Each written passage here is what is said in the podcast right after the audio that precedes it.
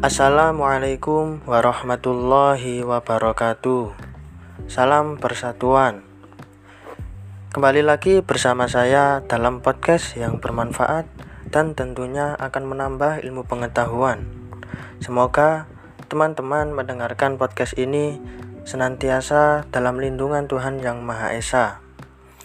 Di sini saya akan membahas tentang pendidikan kewarganegaraan.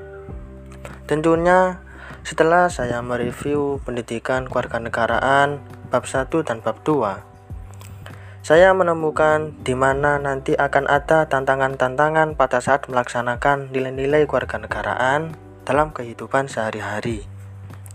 Satu contoh seperti memudarnya etika dan moral.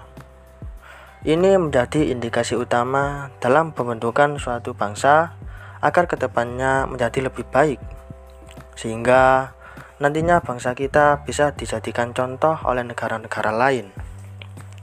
Salah satu faktor penyebab memudarnya etika dan moral yakni pergaulan.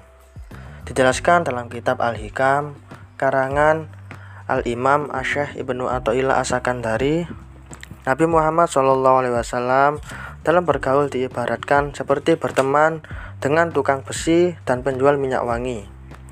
Bergaul dengan tukang besi, kita akan berbau asap yang merusak hidung dan kerongkongan kita.